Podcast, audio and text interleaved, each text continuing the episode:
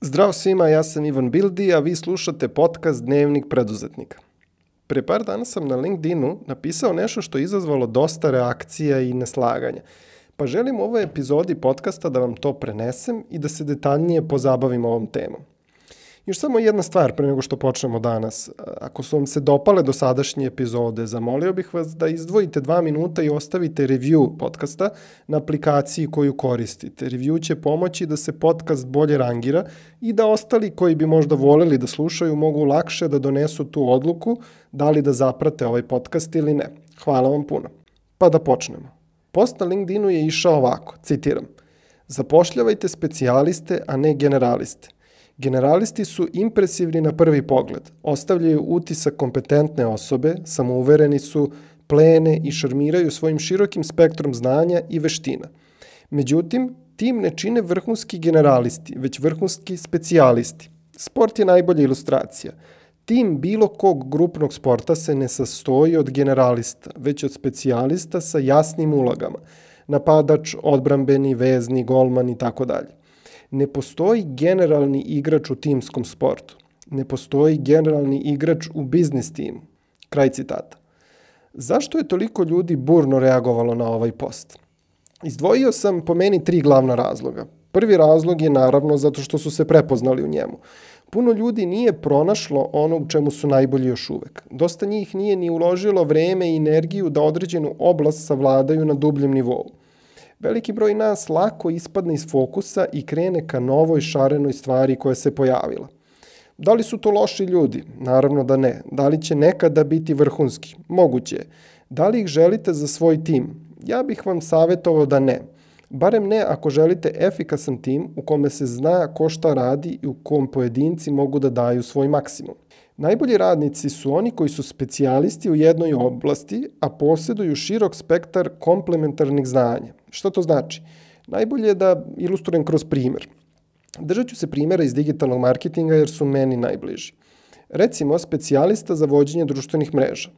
Ono u čemu je on specijalista je kreiranje objava, građenje zajednice, tehničko poznavanje alata za društvene mreže – ali da bi neko bio vrhunski community manager, mora da poznaje i komplementarne oblasti, počev od copywritinga.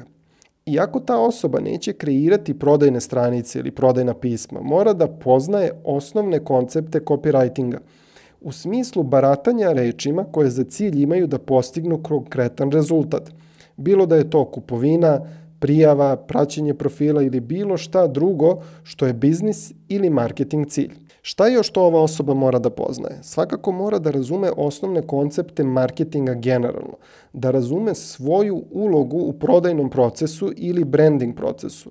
Mora da poznaje osnovne koncepte digitalnog marketinga, da zna šta je i čemu služi prodajni levak.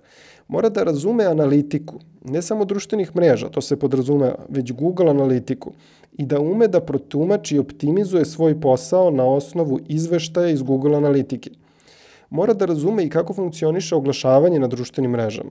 Ne nužno da kreira kampanje i setuje piksele i slično, već da jasno razume kako funkcioniše oglašavanje i koja je njegova uloga u tome.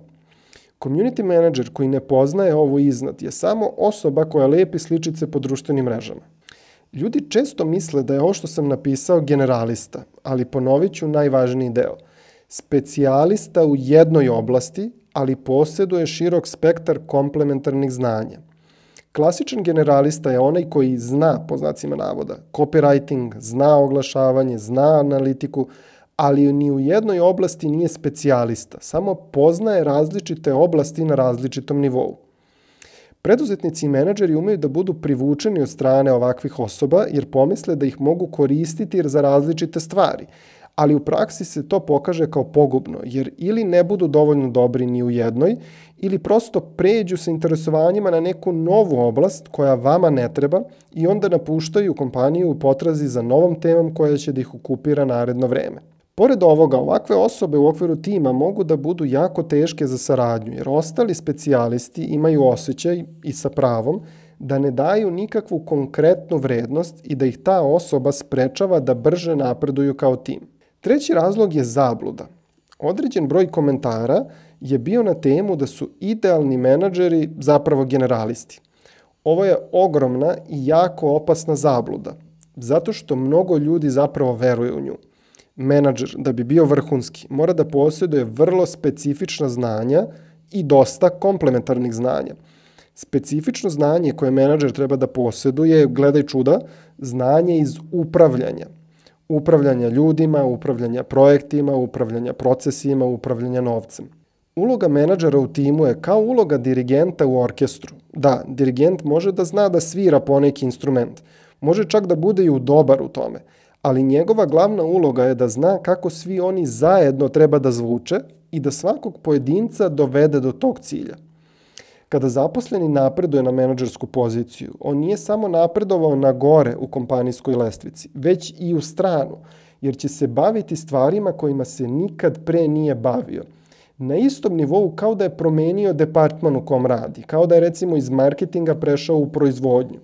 Iz tog razloga puno promocija na menadžerske pozicije se završi neuspešno i često ljudi koji su napredovali na menadžerske pozicije imaju utisak da su samo pod većim stresom i da imaju pored svog posla još neki dodatni posao koji niti razumeju niti vole. Management pozicija traži isto ono što i bilo koja druga uloga u timu, a to je specijalizacija u jednoj oblasti, a širok spektar znanja iz komplementarnih oblasti. Za kraj sam ostavio meni najzanimljiviju grupu ljudi koja ostavlja komentare.